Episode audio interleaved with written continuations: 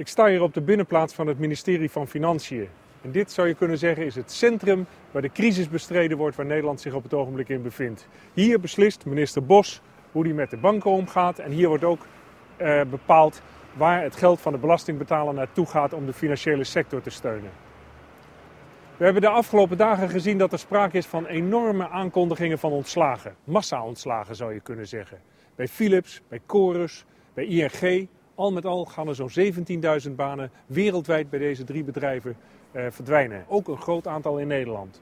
En niet alleen die multinationals die schrappen banen, ook bedrijven zoals TomTom of OC. En natuurlijk ook in de bouwindustrie gaan heel wat banen de komende tijd verloren. Het Centraal Planbureau heeft onlangs berekend dat de werkloosheid in Nederland zal oplopen tot zo'n 600.000 mensen in 2010. Dat is een verdubbeling vergeleken met dit jaar. Dan zou je denken, dan is het heel erg nuttig om nu met een economisch stimuleringsprogramma te komen.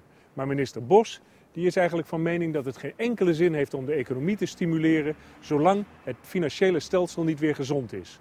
Vandaar dat Bos dus ook met nieuwe maatregelen is gekomen met een tweede ronde van steun aan de banken.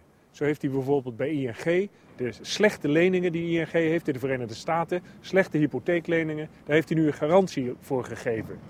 En daarmee hoopt hij dat ING, maar natuurlijk ook andere banken, hun gewone, normale kredietverlening aan het bedrijfsleven en de kredieten aan, aan consumenten en aan burgers weer zullen hervatten. En dat daarmee de economie weer op gang komt. Een maand of drie geleden hoopte ik nog dat de Nederlandse economie dit jaar de schade zou kunnen beperken. En dat mogelijkerwijs de economie niet verder zou zakken dan de nullijn. Zeg maar dat de economie een jaartje stil zou staan.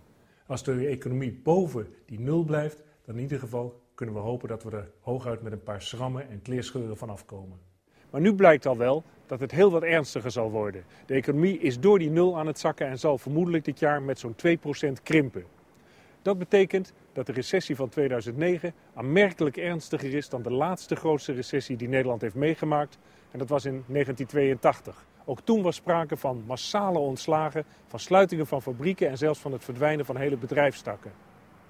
Het wordt, hoe dan ook, voor Nederland dus een heel moeilijk jaar. Want het gaat natuurlijk niet alleen om wat er hier in Nederland gebeurt, maar ook wat er in de rest van de wereld aan de hand is. Wat er in Europa gebeurt en in de Verenigde Staten.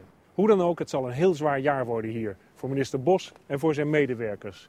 En je moet maar hopen dat ze de boel snel weer onder controle zullen krijgen en dat ze de ernstigste schade kunnen beperken.